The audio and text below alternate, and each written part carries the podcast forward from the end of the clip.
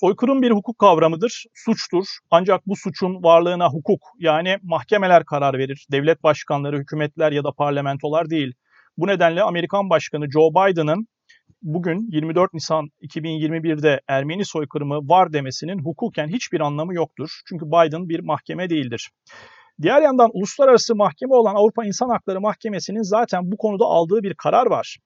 E, literatüre ünlü Perinçek İsviçre davası diye girmiştir o. O davaya bakan hem ikinci dairenin 2013'te e, hem de büyük dairenin 2015'te özetle cumhurbaşkanlarının, parlamentoların, e, hükümetlerin soykırım konusunda hüküm vermeye yetkili olmadığı belirtilen kararlardır bunlar.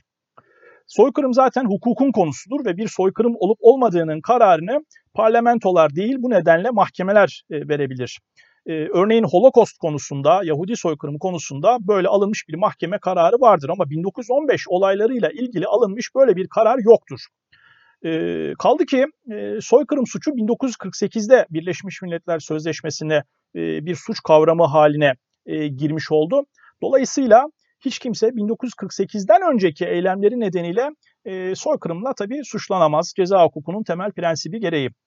E, öte yandan soykırım tabii tıpkı diğer hukuki suçlar gibi e, ülkeleri değil bireyleri e, bağlar. Yani Almanya ülkesi değil örneğin Hitler ve onun emriyle şu şu şu şu isimler soykırım yapmıştır diye mahkeme e, karar almıştır.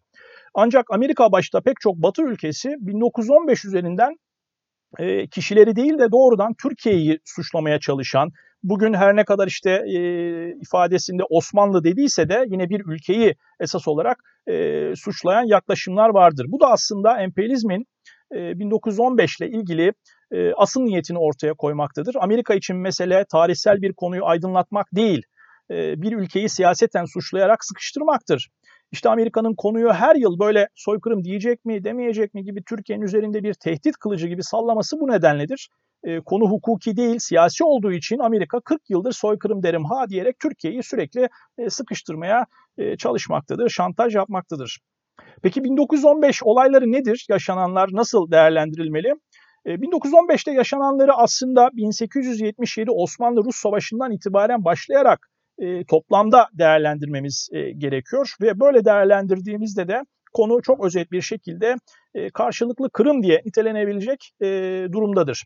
E, bunu e, sadece e, Türk tezi olarak ya da Türk yetkililerin bu konudaki değerlendirmesi olarak söylemek de doğru değil. Bakın Ermenistan'ın ilk başbakanı Ohannes Kaçazmuni'nin de yaklaşımı bu şekildedir. Kaçazmuni'yi e, 1923'te yazdığı bir raporunda çok açık bir şekilde şunu söylüyor. Yani denizden denize bir büyük Ermenistan projesi vardı emperyalistlerin. Biz emperyalistlerin bu talebine kapıldık.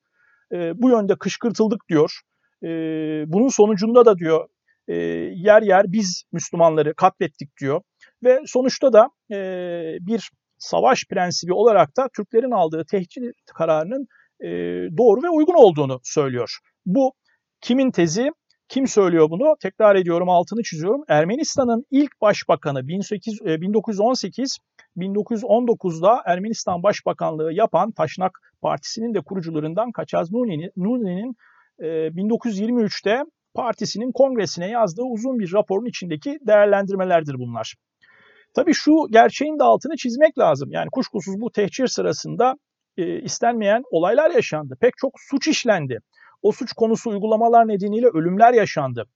E, ancak bu ortada e, böyle etnik nefrete dayalı bir soykırım olduğu gerçeğini göstermez o suçların e, olması. Neden?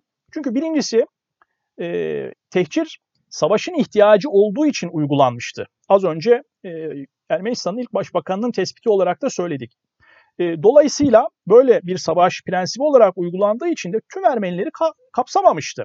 Yani böyle bir etnik grubun tamamını hedef almamıştı. O nedenle e, pek çok Ermeni de e, pek çok yerde bulunduğu yerde e, zaten kalmıştı. Şimdi diğer yandan ikincisi e, uygulamadaki bu suçlar, işlenen suçlarla ilgili e, bunun hesabı da soruldu. O dönemin hükümetinin e, yollardaki katliamlar nedeniyle sorumlulardan hesap sorduğu, yani hesapta öyle e, gözaltı falan değil, e, idam kararları var. Yani yollardaki katliamlardan sorumlu olanların idam edildiği bir durumdur bu.